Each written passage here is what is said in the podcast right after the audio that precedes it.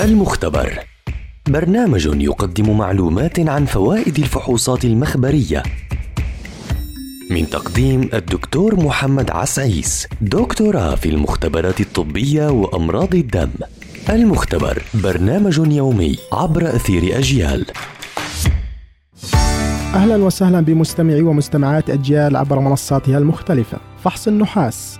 يعد النحاس أحد المعادن الضرورية لجسم الإنسان والتي لا يستطيع الجسم تصنيعها ويحصل عليها من الغذاء كاللحوم والأسماك والمكسرات وبعض أنواع الفاكهة. وجدت بعض الدراسات أن هناك علاقة قوية بين نقص النحاس وأمراض القلب والأوعية الدموية كما يلعب دورا هاما في صبغة الجلد أو ما تعرف بالميلانين وغيرها من المهام الرئيسية لعنصر النحاس.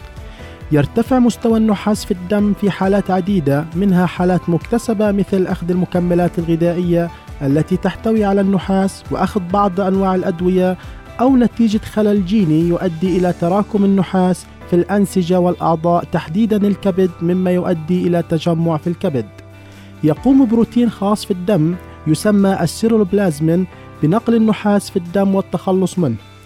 في حالات مرض ويلسون يحدث خلل في نواقل النحاس مما يؤدي إلى تراكم النحاس وزيادة طرحه في البول.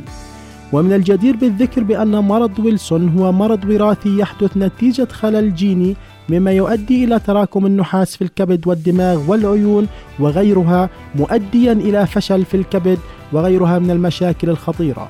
الوضع الطبيعي للنحاس في الجسم هو من 70 إلى 140 مايكروغرام لكل ديسي لتر الوضع الطبيعي لنواقل النحاس السيرولوبلازمين في الجسم هو من 20 إلى 40 يتم إجراء فحص النحاس وفحص نواقل النحاس في الدم أو فحص النحاس في البول ويتم إصدار النتيجة خلال ساعة. استنونا في حلقة جديدة عن فحص ومعلومة جديدة. دمتم بصحة.